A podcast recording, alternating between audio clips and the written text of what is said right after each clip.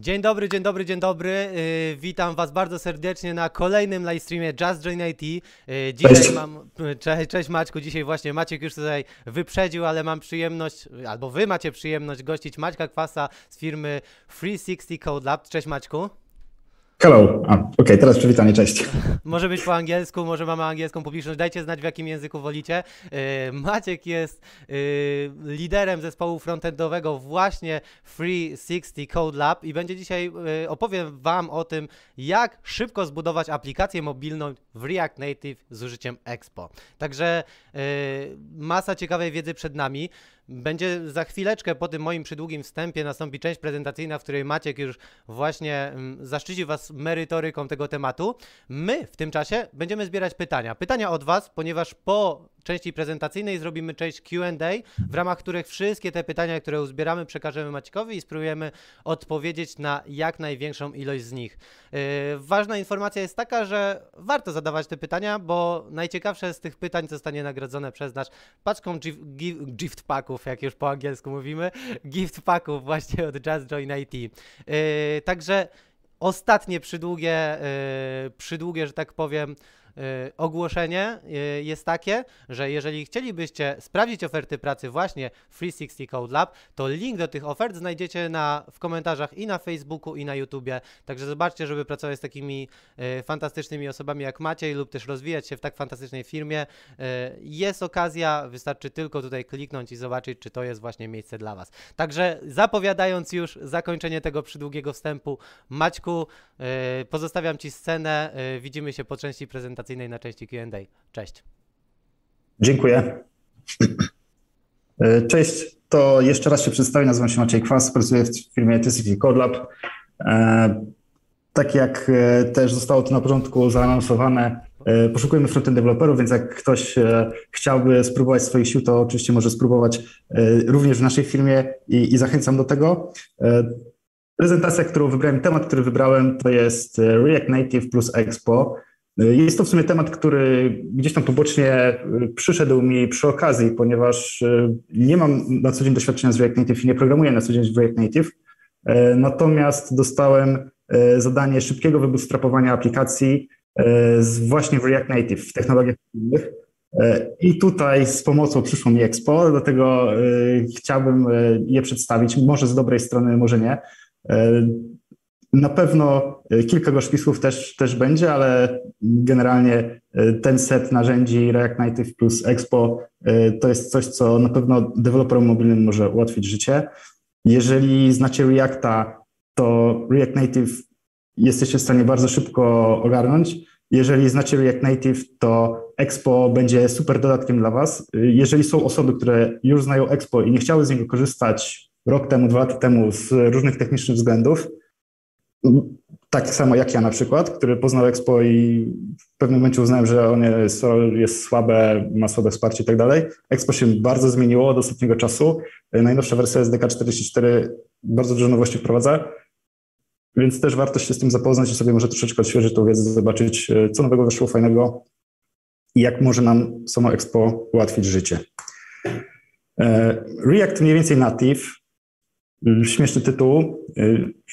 To jest, y, to jest stwierdzenie, gdzie React y, nie zastępuje natywnego oprogramowania. I React Native, y, mimo tego, że ma w sobie słowo native, nie jest do końca natywny. Oczywiście mamy renderer, który jest kompilowany do natywnych widoków po, na poszczególne platformy, natomiast pod spodem jest, jest ta warstwa Reacta, która to wszystko napędza. Czy React Native upraszcza sprawę? I tak i nie. Z jednej strony nie, ponieważ e, nie dość, że musimy znać Reacta, musimy rozumieć, jak działa iOS i Android, to musimy sobie też e, radzić w środowiskach specyficznych dla danych e, development environments, środowisk deweloperskich typu Xcode czy Android Studio. Więc wiedzy jest troszeczkę więcej. Natomiast jeżeli jesteśmy osobą, która wywodzi się ze środowiska JavaScript, a dodatkowo jeszcze znamy Reacta, to w takim wypadku to połączenie jest dla nas fantastyczne, ponieważ możemy bardzo szybko zbootstrapować aplikację mobilną, która ma zazwyczaj jeden codebase albo większość codebase'u jest w jednym miejscu e, i możemy od razu na dwie, dwie platformy e, wydawać aplikacje, co jest bardzo trudne w przypadku innych technologii. Też, też możliwe, ale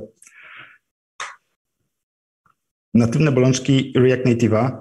React Native rozwijał się specyficznie długo, od 2014 roku, e, natomiast y, proces rozwoju był różny. To, to jest zestaw narzędzi, który jest rozwijany przez Facebooka i Facebook raczej kierował sposobem rozwoju, czyli tego, czego go potrzebował. Natomiast największą bolączką React Native jest to, że jest wspierany przez y, dwóch największych gigantów, czyli Google i Apple. Więc zawsze musi być, zawsze jest troszeczkę do tyłu i zawsze musi gonić. Gdy wchodzą jakieś nowe funkcjonalności, to siłą rzeczy Android jest w stanie dostosować swoje SDK tule, e, Xcode, Apple jest w stanie dostosować swoje SDK tule, e, React Native jest na tej drugiej warstwie, gdzie gdy wychodzi nowość, on musi dostosować. E, czasem jest to trudne, żeby zrobić to w bardzo małym czasie, bo API telefonów natywnych może być, może być przekręcone do góry nogami i deweloperzy oczekują tego, że, że React Native będzie na bieżąco, a nie zawsze jest to możliwe, chociaż community React Native jest ogromne i to, jak szybko się rozwija ta aplikacja. No bardzo często nowe funkcjonalności wychodzą zanim jeszcze wyjdą oficjalnie, więc to jest akurat dobry znak. E, natomiast jeszcze kolejną bolączką jest to, że jak Native ewoluuje bardzo szybko. Siłą rzeczy tego, że urządzenia mobilne i jakby technologie mobilne ewoluują szybko, natomiast e, musimy cały czas też pilnować zmian, dostosowywać się do nowych API. E, upgrade'y są częste, upgrade'y third party plugins też są częste. Nieraz potrafią popsuć aplikację i możemy spędzić 2, 3, 4, 5 dni na tym, żeby dowiedzieć się, co się w ogóle stało i jak naprawić ten problem. E, więc te aktualizacje są często, znaczy nie często, ale aktualizacje mogą być bolesne. I tutaj z pomocą przychodzi nam Expo. E, Expo to jest taki zestaw narzędzi deweloperskich, który wrapuje React Native'a w taką ładną paczkę z gotowymi pluginami, z setupem do bootstrapu aplikacji, z setupem do deploymentu aplikacji, z gotowymi narzędziami do, do testów, do, do wysyłania aplikacji do App Store'ów. Y, Expo nie jest czymś, co jest od, y, wydzielone jako specyficznie od React Native. To jest nakładka na niego, natomiast y, to nie jest tak, że musimy wybierać między React Native a Expo. W każdym momencie możemy zrezygnować z Expo i zdecydować się na to, że chcemy już teraz budować aplikacje natywnie w Xcode, w Android Studio oddzielnie, y, dbać o aplikacje po swojemu. Wszystkie konfigi dostajemy z Expo. Expo Eject bardzo dobrze działa. To nie jest, to jest mit, że, że ejecting jest y, ciężki.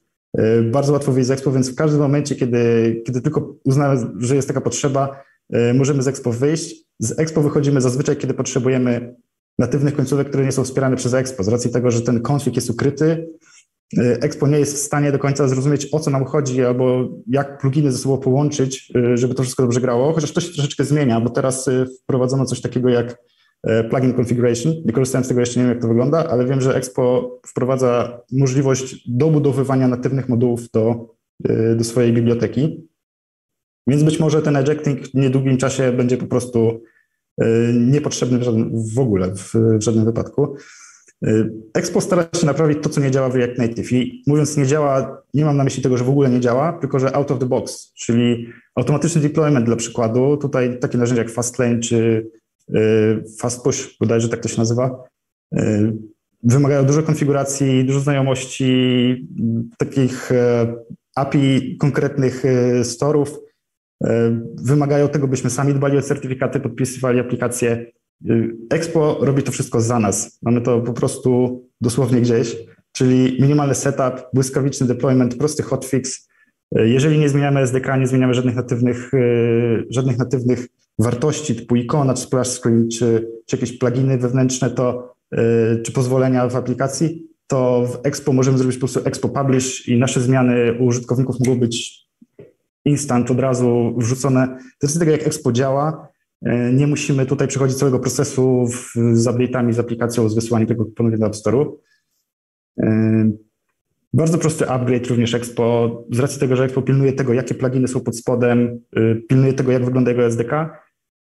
Robienie upgrade'u jest dużo, dużo przyjemniejsze niż upgrade w React Native. Nie wiem, ilu z Was, albo ile osób z Was miało okazję robić upgrade w React Native, ale bardzo często, szczególnie przy dużych projektach, jest to mega bolesne. Ja ostatnio tego doświadczyłem gdy robiłem upgrade z wersji 0.63 na 0.64, spędziłem bodajże dwa tygodnie na tym, żeby wszystko ze sobą dobrze działało, i Android, i iOS. W Expo robimy po prostu Expo upgrade i, i to się dzieje automatycznie. Praktycznie nie musimy niczym się przejmować. E, podstawowe informacje. To jest bardzo dobra dokumentacja. Bardzo często się zdarza, że nawet popularne biblioteki mają słabą dokumentację. Expo ma świetną dokumentację. Ma opisane całe swoje SDK, do tego e, cały React Native Core jest też e, w Expo. Jest, jest dużo przykładów, więc pierwsze miejsce, gdzie chcielibyśmy dowiedzieć się, czy, jak coś działa, jak coś sprawdzić, to jest Expo. Dokumentacja. Do tego jest, do tego udostępnione narzędzie jak Expo Snack, gdzie możemy w przeglądarce internetowej wirtualnie testować sobie jakieś rozwiązania, więc to jest super sprawa, nie musimy niczego instalować, żadnego projektu setupować, po prostu odpalamy przeglądarkę, odpalamy link, wklejamy interesującą nas rzeczy, możemy od razu na wirtualnym emulatorze podejrzeć sobie te zmiany. E, dostajemy Expo Go. Expo Go to jest aplikacja mobilna, która jest emulatorem, tak jakby emulatorem e, naszych pisanych przez nas aplikacji. To znaczy, że aplikacja niezbudowana jeszcze może być wysłana na Expo Go, i Expo z racji tego, że ma już całe SDK Expo, jest w stanie ją otworzyć i uruchomić jakby natywną aplikację. Jest to fajne narzędzie do testowania. Możemy komuś podesłać link QR code, on sobie może go zeskanować, zobaczyć od razu tę aplikację u siebie. Możemy na kilku urządzeniach bardzo szybko też e, uruchomić tę aplikację. Live Reload działa bardzo dobrze. E, jest, jest fajnie to wszystko ograne. EAS e Build to jest Expo Application Services, bodajże, jeżeli nie pomyliłem. To jest nowość, która została wprowadzona do Expo jakiś czas temu. Polega to na tym, że buildy w klasyczny sposób, jak były robione w Expo, teraz zostają wypchnięte do chmury z pewnymi dodatkowymi funkcjonalnościami, typu właśnie te, te natywne biblioteki, o których mówiłem. Więc dzięki temu ES Build, y, jeszcze tego jeszcze z tego nie korzystałem, dopiero o tym czytałem, E, natomiast teoretycznie dzięki temu ES Build będziemy mogli dodawać biblioteki do Expo, będziemy mieli mniejszy, mniejszy build, ponieważ wcześniej e, przez klasyczny Expo Build wszystkie biblioteki Expo były dodawane do buildu, co potrafiło zaowocować aplikacją 120-130 megabajtów, która miała po prostu kilka przycisków w sobie i jakiś, jakiś śmieszny przełącznik, a, a wychodziło 130 megabajtów na aplikację. Bo zdarzały się takie pytania, dlaczego ta aplikacja tak dużo zajmuje? ES-Build ma ten problem naprawić. Przy okazji też naprawić e, to, że Facebook SDK w każdym buildzie Expo był, co nie podobało się wszystkim osobom. E, te, teraz można się w łatwy sposób tego pozbyć. I mamy silnik Hermes, mamy pełne wsparcie dla silnika Hermes. To jest e, silnik stworzony przez Facebooka, silnik JavaScriptowy, specjalnie do React Native, przyspieszyć renderowanie, przyspieszyć działanie aplikacji. Expo go wspiera i dla Androida, i dla iOS ostatnio. E, więc możemy z tego korzystać out of the box. Jest to jedna linijka konfiguracyjna bodajże gdzieś w pliku app.json. E, na dzień dobry, dla osób, które chciałyby poznać Expo albo React Native, jeżeli nie miały w ogóle okazji e, pracować z React Native, to są wzorce nawigacyjne. Trzeba jedną rzecz zrozumieć, że aplikacja mobilna to nie jest strona internetowa. Przyzwyczaiło nas to do strony internetowych, że mamy divy, mamy page jak strony, gdzieś tam nawigujemy. Na telefonach to troszeczkę inaczej wygląda. Na telefonach mamy natywne zachowania, że tak powiem, userów, typu slajdowanie wstecz, czy, czy cofanie, czy otwieranie jakichś nawigacyjnych menu, to są nazywa drawers. Mamy nawigację, gdzie jedna wchodzi na drugą i musimy taki zrozumieć, jak działają staki. Musimy wiedzieć, że aplikacja się nie odświeża, aplikacja natywna ma troszeczkę inny sposób nawigacji, trzeba te wzorce nawigacji pooglądać, popatrzeć, jak inne aplikacje działają, E, popatrzeć sobie na snaki też między innymi. E, I tutaj React Navigator oczywiście, który z Expo przychodzi e, defaultowo, robi świetną robotę i, i też ma bardzo dobre przykłady co do tego, jak działa na przykład bottom tab bar. React Native Components to jest kolejna rzecz. Tak jak mamy HTML-a, który jest warstwą informującą przeglądarkę o tym, w jaki sposób chcielibyśmy wyrenderować naszą stronę, tak React Native Components też są taką warstwą informującą o tym, co chcemy wyrenderować. E, to, w jaki sposób ma się zachowywać i jak działać, to, to już odpowiadają za to poszczególne komponenty, natomiast ta warstwa wizualna, ta prezentacyjna, musimy to poznać, zobaczyć, co mamy do dyspozycji, komponenty typu tekst, typu view, typu image, background image, wszystko to trzeba, trzeba poznać i zrozumieć, chociażby po to, żeby w prosty sposób i szybko móc budować później swoje własne komponenty czy swoje własne aplikacje. I Expo SDK, czyli ten największy buyer Expo, który, który tam w środku siedzi, składa się z kilku rzeczy. Są to między innymi, jest to innymi wsparcie dla natywnych pluginów React Native. Tutaj dostajemy Async Storage, który z Expo współpracuje bardzo fajnie. Do tego możemy sobie podpiąć Zostand'a i Sustan Persist i mamy od razu out of the box przechowywanie naszych danych, tak jak local storage gdzieś na gdzieś na gdzieś w przeglądarce internetowej to local storage, tak samo tutaj mamy też taką formę local storage, tylko, tylko na naszym telefonie. Expo wspiera typowe integracje typu AUF, UpAuth, Expo Sharing, to znaczy, że możemy bardzo szybko kliknąć guzik i dostać okienko szerowania jakiegoś kontentu, SMS-em, mailem i tak dalej. UpAuth to jest out-of-the-box wsparcie dla OAuth-owych mechanizmów logowania użytkownika. Dostajemy wsparcie do natywnych API telefonów, czyli chociażby barcode scanner, gdzie możemy zeskanować sobie kod QR czy kamera API i użycie takiego barcode scannera to jest de facto kilka linii, to jest wrzucenie komponentu i mechanika on code scanned i dostajemy out of the box bardzo szybko skaner kodów QR. Tutaj tak dla przykładu kamera API działa bardzo podobnie. I mamy jeszcze w ExpoSDK kilka ułatwiaczy życia, to są m.in. na przykład gesture handlers, czyli takie zaawansowane, zaawansowana obsługa gestów, która może być przydatna na przykład w tworzeniu gier, gdzie chcielibyśmy mieć joystick, yy, w którym możemy poruszać yy, lewo-prawo albo przekręcać mapę, to, to te gesty są wtedy deterministyczne, jesteśmy w stanie stwierdzić, że ktoś akurat konkretnie w danym miejscu zrobił taki gest i i zareagować na to. I do tego error recovery, co często się zdarza, szczególnie na starych telefonach, aplikacja po prostu pada, wybucha, dostajemy crasha i nie wiemy, dlaczego tak to się stało. Expo ma coś takiego jak recovery, gdzie po włączeniu aplikacji drugi raz jesteśmy w stanie na przykład do nas na serwer wysłać loga z tym, co się stało i później w jakiś sposób ewentualnie to zareagować. Przydatne narzędzia do pracy ogólnie przy aplikacjach mobilnych, może nie tylko w Expo, ale akurat tutaj ten, ten przykład jakby rzucamy na, teraz na, na stół, więc to jest Stoplight. Y, to jest narzędzie, którego używam do modelowania API. Jest bardzo fajne, wspiera OpenAuth 3.0. Wynikowo możemy sobie nawet wygenerować z tego serwer Node.jsowy, więc tworzymy API, tworzymy endpointy, eksportujemy typy do TypeScripta, obok eksportujemy serwer Node.jsowy i możemy z naszej aplikacji od razu, gdzieś tam localhost 8000, łączyć się tak jakby z faktycznym serwerem, czyli możemy bardzo szybko sobie zamodelować, nawet jeżeli nie mamy funkcjonalności, nie mamy backendu jeszcze w żaden sposób zrobionego, to mając kontrakt y, możemy już w tym momencie reagować aplikacją i jakby tworzyć komunikację.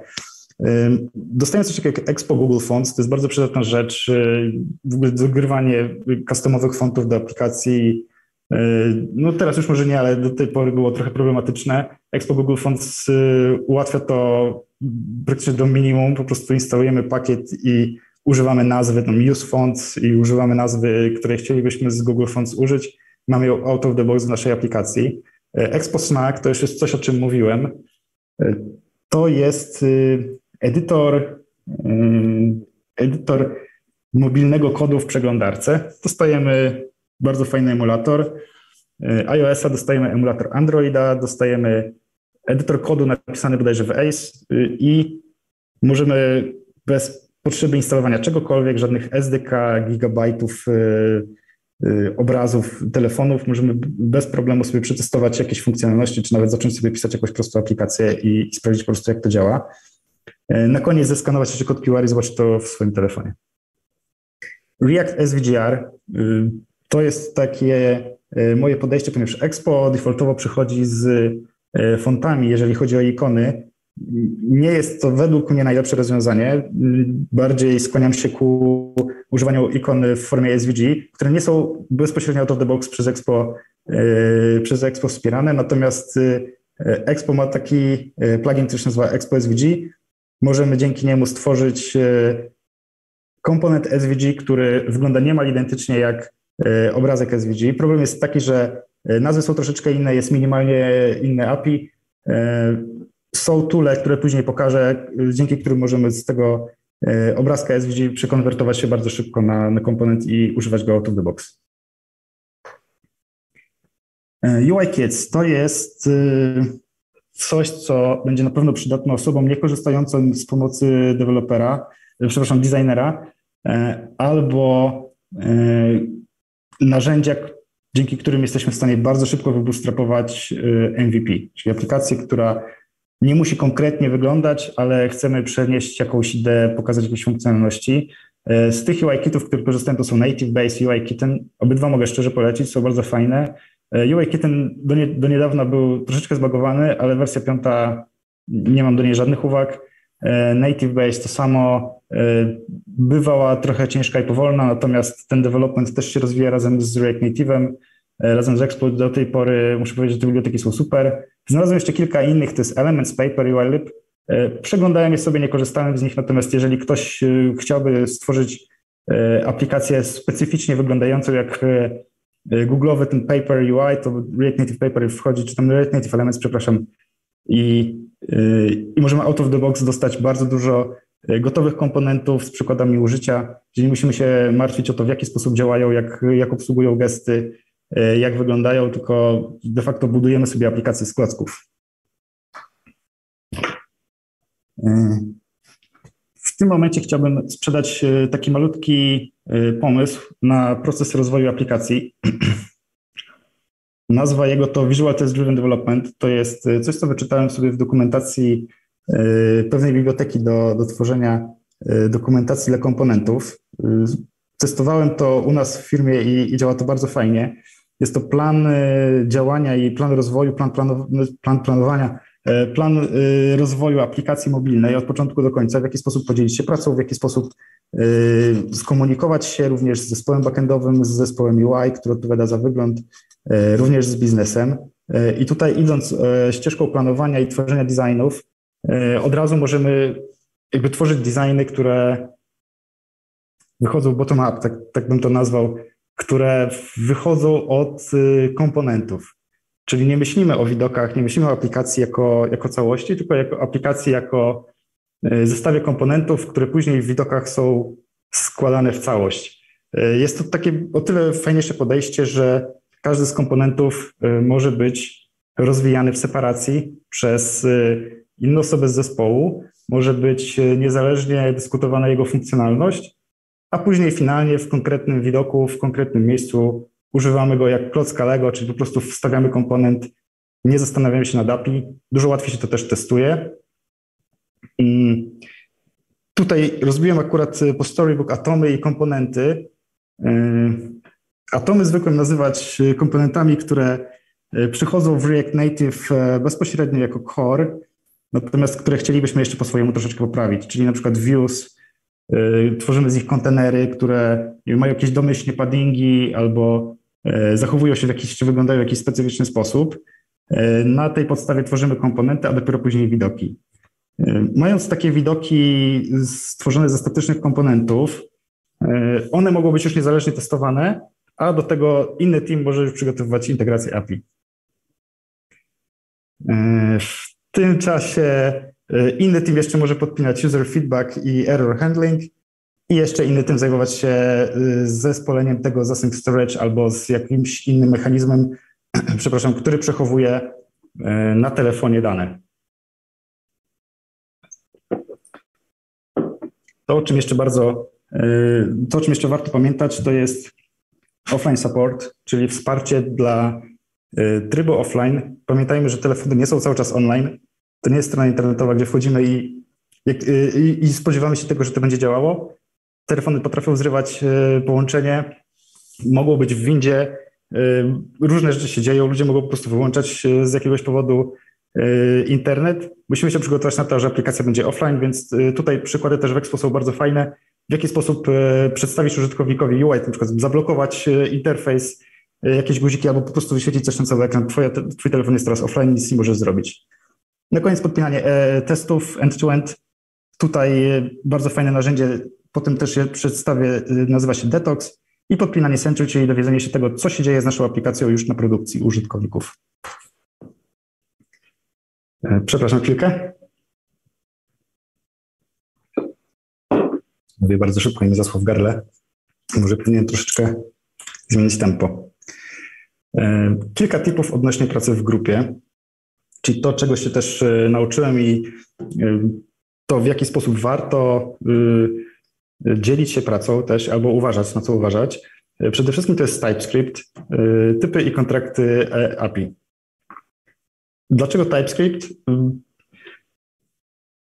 JavaScript jest świetny, natomiast nie nadaje się do pracy w grupie. To jest, to jest pewne i każdy, kto korzystał z jakiegokolwiek z języka typowanego, może to potwierdzić, że JavaScript do pracy w grupie jest ciężki. TypeScript, mimo, pomimo swoich wielu funkcjonalności, które dodatkowo niesie, ma też typy, które super ułatwiają pracę w grupie i super ułatwiają komunikację również z backendem i przede wszystkim w olbrzymim stopniu ułatwiają testy, a nawet w, no sam jakby E, samo pisanie typów już jest pewną formą testowania e, komponentów, testowania statycznych, statycznego przekazywania danych. Bardzo ważny jest designer, który rozumie aplikacje mobilne. E, jak już wcześniej powiedziałem, designer musi rozumieć, że aplikacja mobilna to nie jest strona internetowa, że nie zawsze na górze musi być logo, musi być logo, że na różnych telefonach cofanie w różny sposób może działać i różnie wyglądać. E, więc musimy mieć designera, który rozumie aplikacje mobilne i który też myśli komponentami, czyli wie, w jaki sposób z małych bloczków budować później duże widoki. E, no tutaj malutki błąd z mojej strony, tu widoki tworzone jako kolekcje komponentów, to znaczy, że separacja tworzenia, tworzymy małe bloczki, małe widoki, finalnie dostajemy całą dużą aplikację złożoną właśnie z takich małych klocków, które wcześniej przetestowaliśmy, które bardzo dobrze znamy, E, i co do których e, obsługi zawsze jesteśmy pewni, bo wiemy, że działają wszędzie w taki sam sposób. E, testy i testy. Tutaj polecam Detox właśnie do testów end-to-end. Oczywiście mając Detox mamy też Jesta, więc możemy sobie robić jakieś testy jednostkowe wcześniej jeszcze. Należy pamiętać o częstym upgrade'zie Expo SDK. Nie jest to tak duża bolączka jak przy zwykłym React Native, gdzie chcielibyśmy przeskoczyć 3 czy 4 wersje do góry. Expo SDK bardzo fajnie obrał upgrade'y Natomiast y, z racji tego, że korzysta też z innych bibliotek, y, zalecane jest, by teraz na te trzy miesiące, kiedy jest robiony release Expo SDK, też po swojej stronie zrobić upgrade, sprawdzić, czy wszystko dobrze działa, czy te pluginy z third party, których korzystamy, też, też działają bez problemu i, i być na bieżąco, bo Expo SDK dropuje, brzydkie słowo, e, przestaje wspierać e, SDK, które są tam trzy albo cztery wersje wstecz. I możemy mieć malutki problem, jeżeli zaczniemy e, rozwijać aplikację po roku na przykład i okazuje się, że niektóre API nie działają albo w ogóle nie jesteśmy w stanie zbudować aplikacji. I bardzo dobrze jest mieć też w zespole jednego dewelopera, który ma doświadczenie ogólnie w technologiach natywnych. Czy to jest React Native, czy po prostu natywne technologie, czyli tam, nie wiem, Android Studio. To są zazwyczaj osoby, które po pierwsze są w stanie zorganizować się i szybko przeskoczyć do Development React Native, a po drugie rozumieją świetnie metodykę pracy i to, w jaki sposób działa urządzenie, na co należy uważać. Takie osoby są mega przydatne, nawet jeżeli nie znają React Native'a. E, garść ode mnie porad szybkich i które są w stanie, które pomogą mam, mam nadzieję, szybko wybustropować aplikację e, i to jest taka też, można to traktować jako ściągę, na co należy uważać e, przy budowaniu aplikacji mobilnej z użyciem Expo. E, to jest cache'owanie asetów, czyli na przykład obrazków. Expo działa troszeczkę inaczej niż zwykły React Native. Nasze wszystkie asety lądują na stronie internetowej, na serwerze, to jest bodajże S3 od Amazona i są ściągane w momencie update'u na telefon użytkownika.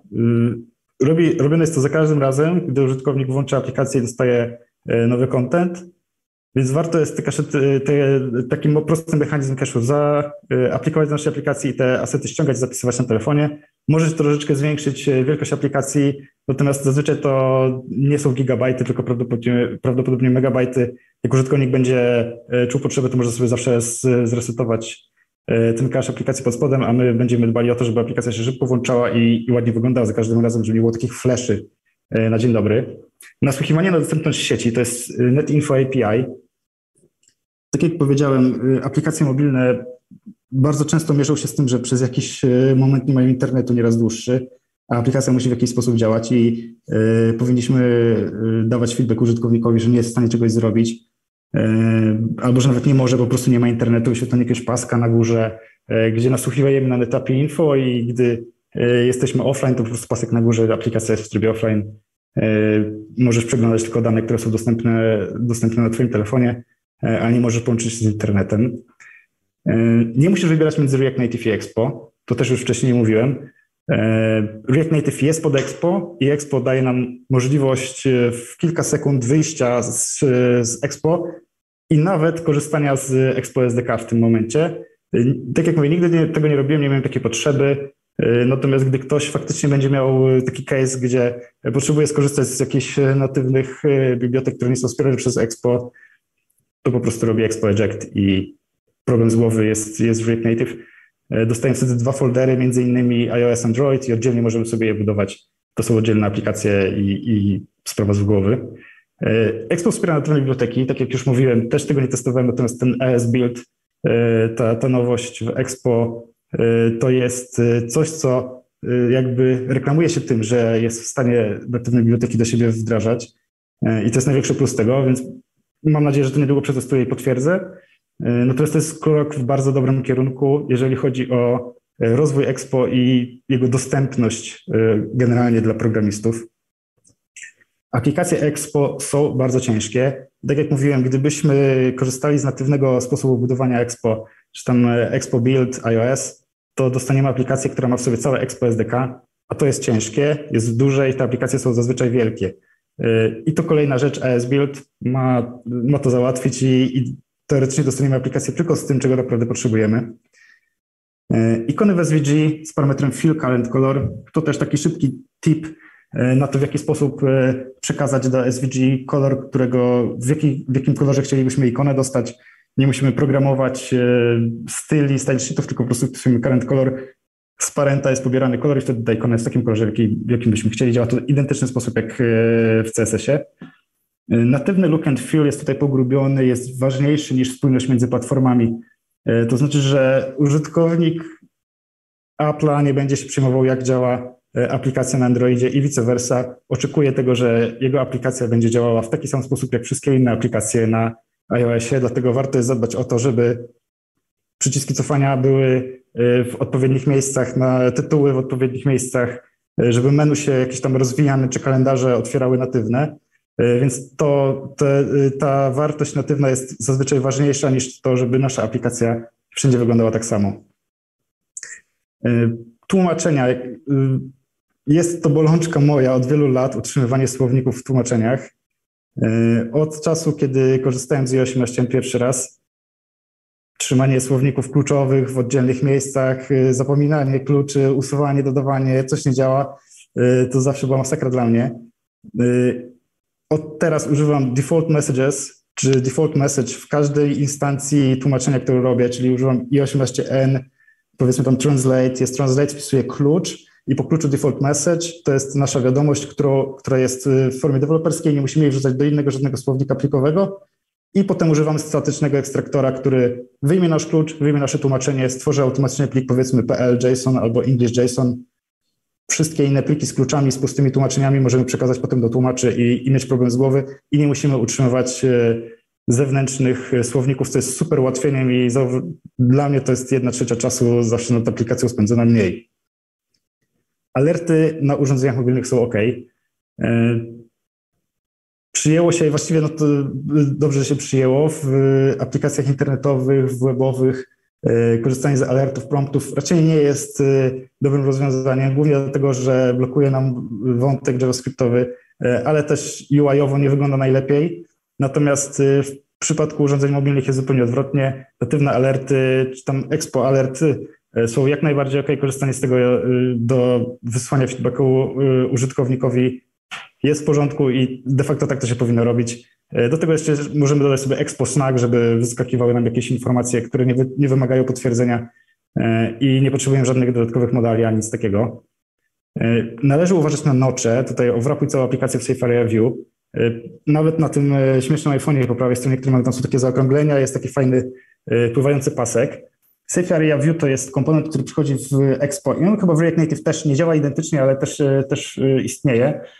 Safe Area View to jest taki komponent, który za nas dba o paddingi i odstępy od góry, od dołu, jeżeli telefon, jeżeli narzędzie, z którego korzystamy, ma jakiekolwiek zaokrąglenia, kamerki na środku, okrągłe rogi, cokolwiek. Dzięki temu jesteśmy pewni, że gdzieś tam pod tym paskiem na górze nie schowa się nam tekst albo jakaś, jakaś część interfejsu. Pamiętaj o funkcjonalnościach specyficznych, na przykład Android Backhandler. To są funkcjonalności typowe dla konkretnych telefonów, na które możemy sobie zajrzeć w Expo, w dokumentacji na dole. Tam dostaniemy też informacje o tym, jakie to są natywne, specyficzne funkcjonalności dla, dla konkretnych systemów.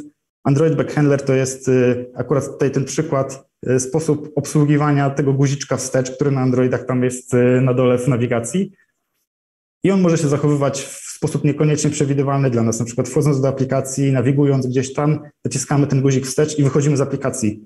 Ponieważ nie obsłużyliśmy, nie połączyliśmy tego backhandlera z y, naszym React Navigatorem, e, więc dobrze jest mieć na uwadze takie specyficzne zachowania konkretne, dla konkretnych y, OS-ów. React Native Hooks to jest bardzo fajny zestaw y, hooków, które de facto są milsze dla nas pod względem pisania komponentów, które są funkcyjne, dostajemy asynchroniczne API w funkcyjnych komponentach, to do czego w ogóle jesteśmy przyzwyczajeni korzystając z hooków w Reactie. E, React Native Sentry, dowiedz się, co się dzieje z Twoją aplikacją na produkcji. Setup jest mega prosty, podajemy tylko klucz API, od razu dostajemy e, kompletny panel w Sentry. Jest to oczywiście tool płatny, natomiast do chyba 5000 eventów jest darmowy. Możemy w taki sposób sobie rozbić te eventy, że gdzieś tam w tym darmowym tierze na miesiąc się łapiemy i i nic nie trzeba płacić, a wiedza o tym, czy aplikacja się wywala, czy nie na produkcji jest bardzo wartościowa. E, I używaj Remote Debugging from DevTools lub zainstaluj Fluttera. E, Flutter do niedawna nie lubił się troszeczkę z Expo, z racji tego, w jaki sposób działa Expo, w jaki sposób działa Flutter. Natomiast e, i dlatego z Fluttera nie korzystałem, natomiast widziałem ostatnio w dokumentacji, że to się zmieniło, że wsparcie dla Fluttera teraz jest przez Expo oficjalne, więc warto sobie spojrzeć, bo jest to bardzo fajne narzędzie do debugowania aplikacji i zapoznaj się z React Native Layout Animation, e, czyli, o przepraszam, czyli e, jest bardzo dużo bibliotek do React Native e, i do Expo, które usprawniają nam proces tworzenia animacji, natomiast jeżeli chcemy coś szybko wydać, żeby ładnie wyglądało, nie chcemy się tym przejmować, to Expo, czy React Native ma coś takiego jak Layout Animation, to znaczy, że telefon sam, telefon sam wykrywa, że jakiś element się gdzieś przeniósł z jednego miejsca na drugie i zamiast go po prostu wyrenderować w drugim miejscu, to, to pojawi nam bardzo ładną animację. Oczywiście musimy mu wcześniej o tym powiedzieć, że chcemy zanimować na przykład ruch albo skalę, ale wystarczy o tym, że poinformujemy, że zmienia się, za chwilę zmieni się pozycja i, i później zmieniamy pozycję, to dzięki temu layout animation po prostu dostaniemy bardzo ładną animację bez, y, bez żadnej konkretnej zabawy, jeżeli chodzi o, o technikalia. Dla osób, które chciałyby się szybko nauczyć e, Expo, czy ogólnie React Native'a, tutaj podaję link, to jest Code Academy Learn React Native. E, jest to e, tutorial opracowany w oparciu o Expo. Patrzyłem na niego, wygląda bardzo fajnie myślę, że to jest świetny starting point dla osób, które chciałyby poznać Expo, czy w ogóle chciałyby poznać React Native i nie wiedzą do końca, od czego zacząć. I dziękuję, to wszystko ode mnie. Czekam na pytania. E, dzięki Maćku, za chwilę powinno być mnie widać na ekranie. Widać mnie na ekranie, dzięki.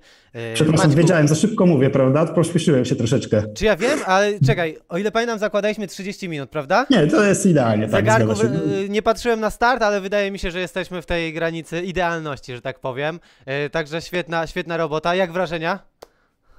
E, zaschło mi w gardle strasznie. Czułem taką presję, że muszę jechać dalej, a tutaj wiesz, tyle materiału do przekazania, o wszystkim chciałbym powiedzieć. Jasne. E, każdy temat, który zahaczałem, to wiesz, na wiele drzew e, się roz, rozgałęzia i tak naprawdę no to mogłem tylko tak drapnąć troszeczkę ten surface i powiedzieć tak ogólnikowo o tym, czym jest React Native, czym jest Expo, ale prawda jest taka, że dopóki ktoś nie zainstaluje sobie go na komputerze, nie odpali pierwszy raz emulatora, tam Open-A Simulator, czy tam odpowiednio na Windows Androidowy emulator, to, to nie będzie wiedział, o czym mówię tak naprawdę.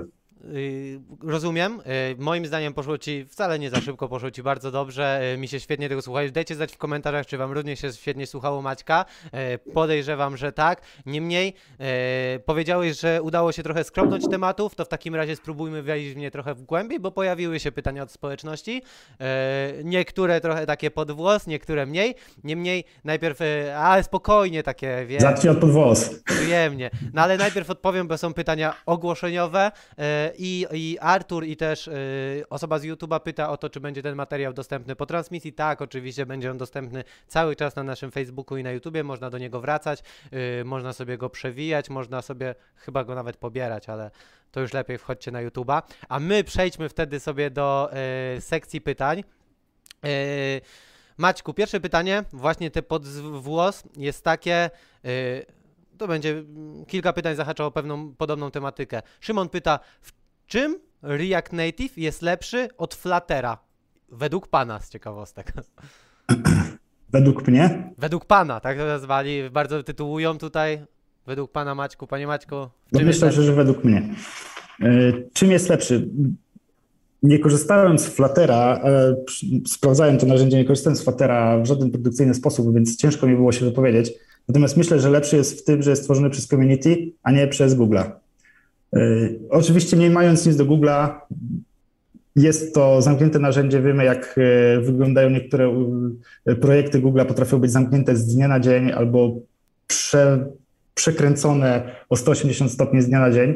E, więc no to, to jest e, taka różnica. Ale czym jest lepszy? No nie wiem, Flutter też jest fajnym narzędziem. Też e, wielu deweloperów znam, którzy chwalą sobie Fluttera. Chyba to jest bardziej kwestia preferencji. Pisałem bardzo dużo w JavaScriptie, znam JavaScript świetnie, więc dla mnie React Native był takim naturalnym wejściem. Flutter to jest raczej ciekawostka. To, to tak ode mnie. Okej, okay. to teraz pytanie od Alberta tym razem. Cześć, cześć Albert. A jakie są minusy korzystania z React Native według Ciebie? Mm, przede wszystkim to, że to nie jest native. Y, to, to też mówiłem już o tych minusach. Y, I mogę się powtórzyć oczywiście. Y, przede wszystkim to tak, React Native nie opiera się o biznes. Nie opiera się o firmy, które czerpią zyski, tylko opiera się o community, które stara się go rozwinąć i tworzyć. Jeżeli nie ma tego community, to nie ma React Native. Google czy Apple nie mają zupełnie, z, jakby nie mają takiego problemu. E, dla nich to są pieniądze, więc oni dbają o to, żeby ich natywne narzędzia rozwijały się w taki sposób, jaki oni chcą. React Native zawsze musi gonić, zawsze musi być troszeczkę z tyłu. Nie wiem, pamiętam taką sytuację, to akurat nie dotyczy React Native'a, tylko to dotyczy Apache Cordowa, ale powiedzmy, że to gdzieś tam jakiś, jakiś protoplasta tego rozwiązania React Native Pamiętam sytuację, gdzie Apple wprowadził z nienacka, albo nie z nienacka, z nienacka wprowadził obsługę w iPhone'ach 64 bitów na procesorach e, i wszystkie poprzednie aplikacje przestawały działać. I Apache Cordova miało z tym tak duży problem, że po trzech miesiącach od tego ogłoszenia i wprowadzenia blokady e, nie dało się zbudować aplikacji pod 64 bity. No, nie pamiętam, który to był rok, 2011, 2012, jak już dawno temu, ale wiem, że klienci do mnie pisali przez trzy miesiące, moja aplikacja nie działa, co mogę zrobić, a ja nic nie mogłem zrobić, bo aplikacja była napisana po prostu w Apache Cordova i musiałem czekać na community, na ten rozwój, żeby dopiero y, support powstał. Więc to, to są takie minusy, na które trzeba uważać. Oczywiście React Native teraz w tych czasach ma olbrzymie, olbrzymie, y, olbrzymi support y, ze strony i Facebooka, i z całego community, więc te rzeczy się raczej rzadko zdarzają. Tutaj są takie przypadki, gdzie iOS wprowadza nowe funkcjonalności i one się już pojawiają w React Native, zanim jeszcze oficjalnie się pojawią jako, jako funkcjonalność w OSie. E, no ale mimo wszystko trzeba mieć gdzieś tam to z tyłu głowy, że, że takie rzeczy mogą się zdarzyć. Okej. Okay. Jasne, dzięki. E, to pociągniemy troszeczkę, ten, skategoryzuję te pytania, e, pociągniemy trochę tą tematykę alternatyw dalej i pójdziemy na konkretny tak naprawdę case. Mm, Kacper pyta, czy jeżeli miałby Pan wybór przepisać aktualną aplikację mobilną napisaną w Cordova, poszedłby Pan w stronę React, Flutter, Full Native, Kotlin, Swift? Którą stronę byś poszedł, Maćku? To jest pytanie. E, to zależy, ale myśl, myślę, że ja osobiście poszedłbym w stronę React Native, ponieważ ją znam. E, chciałem tutaj na początku, jak czy chciałby Pan przepisać aplikację, to chciałem powiedzieć, że nienawidzę zmiany technologii. E, zawsze mi się to źle kojarzy, zmiany technologii. Wolę utrzymywać coś, co jest stare niż zmiana technologii, ale w tym przypadku akurat skordowy zmieniłbym technologię. Natomiast no, to, co bym wybrał, to prawdopodobnie by był to React Native. Bardzo łatwo jest znaleźć deweloperów React Native. E, dużo ciężej e, zebrać team, albo w zasadzie dwa teamy, które e, z jednej strony wspierają iOS, a z drugiej strony wspierają Androida. Więc tutaj łatwiej jest, łatwiej jest do deweloperów. A z, dodatkowo myślę, że ta technologia kordowa jest troszeczkę JavaScriptowa, więc ostatecznie można by było coś jeszcze z tego wyciągnąć do React Native. Okej. Okay. Dzięki. Mam nadzieję, Kacprze, że to zainspirowało Cię, bo strzelam, że to jest jeden z Twoich e, właśnie Twoich wyzwań w e, Twojej obecnej pracy. Teraz pytanko od tłumacząc z angielskiego Pan myśląca małpa, Mr. Thinking Monkey. Na co najbardziej zwracać uwagę przy projektowaniu aplikacji mobilnych? Jaki projekt, albo to na dwa razy podzielimy. To najpierw zacznijmy. Na co najbardziej zwracać uwagę przy projektowaniu aplikacji mobilnych? Dajmy najpierw te pytanie. E, projektowaniu pod kątem architektonicznym czy projektowaniu pod kątem wizualnym, bo to są mogą być dwa różne tematy. Mhm. Jeżeli chodzi o wizualny, to e, myślę, że dostosowywanie się do e, aktualnych trendów. Nie wiem, Apple ma taki dokument, który się nazywa Human Interface Guidelines. Google ma bardzo podobny, też nie pamiętam nazwy, nie chcę strzelać, ale, ale to są guidelines, w jaki sposób projektować aplikacje dla użytkowników, na co uważać, E, przy, e, czy właśnie przy problemach nawigacyjnych, czy na przykład przy aplikacji, która zarządza e, mapami, czy przy aplikacji, która zarządza galeriami, jakich patternów używać nawigacyjnych, dlaczego nie ustawiać konkretnych elementów bardzo blisko krawędzi ekranu, bo na przykład na niektórych telefonach tam mogą być przyciski i tak dalej, i tak dalej. Więc warto się zapoznać z tym, zanim się podejdzie do projektu, to przeczytać sobie takie Apple Guideline, Apple Design, Human Design Guidelines, E, I nie wiem, no, urządzenia mobilne to nie tylko telefony komórkowe, nie? bo tak e, większość osób twierdzi. To mogą na przykład zegarki. E, I tutaj projektowanie pod zegarki też może być niezwykle sporym wyzwaniem, więc zapoznać się z tym, jakie mamy możliwości, jakie mamy urządzenia, a potem dopiero zacząć robić projekty. Super, e, dzięki. Jeszcze adwocem do poprzedniego Kacper e, mm, stwierdził, że tak, pomogła mu to odpowiedź, więc e, fajnie Kacper, cieszymy się. I teraz dalsza część pytania, które niejako się powtarza, bo też Klaudia zadała bardzo podobne pytanie. Jaki projekt był dla Ciebie największym wyzwaniem podczas tworzenia apek mobilnych? Największym wyzwaniem. Każdy mój projekt jest dużym wyzwaniem. To zależy. Myślę, kiedyś miałem taki e, ciekawy case, e, poproszono mnie o to, żeby w aplikacji mobilnej stworzyć e, krokomierz. I to, była, to był pierwszy raz, kiedy implementowałem natywne API, które jest połączone tam z Google Health i tak dalej, które podpina się pod urządzenie i próbuje szczytać informacje o tym, ile na przykład kroków człowiek przebył. I muszę przyznać, że bardzo ciekawe e, efekty to tworzyło. Nieraz ruszenie telefonem generowało 2500 kroków, więc trzeba było, trzeba było zrozumieć, e, w jaki sposób e, działa to API, w jaki sposób interpretować dane, co jest dla nas krokiem, e, co zrobić, gdy użytkownik na przykład kręci się dookoła słupa i ma telefon w kieszeni, czy to też jest krok, czy nie. Więc to tutaj była taka na tym poziomie bardzo duża rozkminka, więc to dobrze wspomina, bo dopracowanie tego, by, by ten krokomierz działał i reagował w taki sposób, jakiego byśmy oczekiwali, Zajęło mi długo, dużo, mimo że y, to było dostępne jako, jako jakby wewnętrzne API telefonu. Mhm. Powiem prywatnie, że często mnie zastanawia, w jaki sposób te krokomierze działają i, i fajnie wiedzieć, że rzeczywiście takie edge cases sobie wrzucacie, jak na przykład y, kręcenie się wokół słupa z telefonem. To jest jeszcze wyższy poziom. Ja na szczęście nie musiałem się mierzyć z większością edge case'ów, y, bo, bo sam krokomierz w sobie ma już dużo edge case'ów y, pokrytych, chociażby to, że wykrywa na podstawie y, różnych urządzeń wewnątrz telefonu, takich mechanicznych, y, że człowiek ma na przykład telefon w kieszeni albo telefon w ręku, nie? I w jaki sposób się, jaki sposób ruch, czy to jest ruch wahadłowy, dopiero jesteśmy w stanie zliczyć cztery kroki, bo na przykład powtarza się ruch cały czas w bardzo podobny sposób. To są edge cases, którym na szczęście nie musiałem się mierzyć, ale mimo wszystko miałem jeszcze też swoje edge cases już, które tam weszły, że tak powiem, na drugim poziomie. Ciekawi mnie, jak bardzo skomplikowane są te, których nie przewidzieliście i które wykorzystują ludzie, żeby auto, automotywować się, że świetnie im poszło dzisiejszego dnia, że tak powiem w krokach, więc to jest zastanawiające, ale lećmy dalej w takim razie. Yy, teraz Krzysztof ma pytanie i to było pytanie, które było w trakcie prezentacji, mam nadzieję i się odnosi do pewnej części, moim zdaniem tej części z, yy, kiedy mówiłeś o zaciąganiu różnych bibliotek. Pytanie brzmi, czy takie zapożyczenia nie wpływają na ogólny performance finalnej apki? Wręcz przeciwnie. Wszystko, co jest natywne, jest szybsze. Więc y, zapożyczanie natywnych narzędzi sprawia, że, znaczy bibliotek sprawia, że będą one działały tak szybko, jak mogłyby działać w natywnej aplikacji. Super. Mam nadzieję, Krzysztof, że to jest dla Ciebie satysfakcjonujące i teraz do tego tak podejdziesz i nagle, nagle się okaże, że jest to szybsze, że zwiększy się performance. Yy, Jarosław Bamberski Panie Maćku, bardzo interesująca prezentacja, dziękujemy. Tutaj, że... Pozdrawiam serdecznie pana Jarosława i wysyłam buziaczki. Y, buziaczki panie Jarosławie i w takim razie od Damiana już bardziej poważne pytania. Mówisz, że łatwo jest w razie potrzeby wyjść z Expo, ale czy miałeś doświadczenie, gdzie dostałeś już apkę, która od dłuższego czasu była rozwijana bez Expo i chciałbyś zaimplementować Expo? Czy to też jest prosta sprawa, czy jednak trzeba trochę czasu porzeźbić? Y, to jest bardzo nieprosta sprawa. Miałem taką aplikację, chciałem wrócić do Expo i to mi się nie udało. Niestety. Y, niestety poziom skomplikowania aplikacji, które są przez długi czas rozwijane, często ma jakieś haki gdzieś w konfigach y, głęboko, sprawia, że, że wejście z powrotem do Expo może być nawet niemożliwe. Natomiast ten AS Build, o którym mówiłem w Expo, pozwala nam budować również aplikacje, które nie są tworzone w Expo, y, Expo Workflow. Więc jest to jakieś rozwiązanie ewentualnie na, na, na tego typu bolączki. Y, gdzie możemy w jakimś tam stopniu korzystać z dobrodziejstw Expo, a nie musimy mieć aplikacji w Expo. Natomiast y, wejście do takiego pełnego workflow Expo z aplikacji React Native, która się zbudowana, według mnie jest, y, no nie powiem, że niemożliwe, ale chyba nieopłacalne.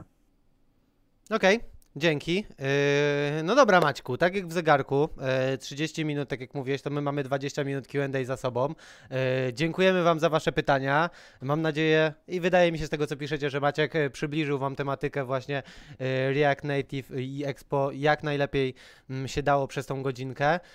Także bardzo Wam dziękujemy. Tak jak wspomniałem na początku, był konkurs. O, dla najciekawszego pytania damy nagrodę. Wspomniany przeze mnie wcześniej Gift Pack, dlatego właśnie Maćku, poza anteną już sobie wybierzemy te pytanie i też właśnie w komentarzach odezwiemy ja się. Nie dostać.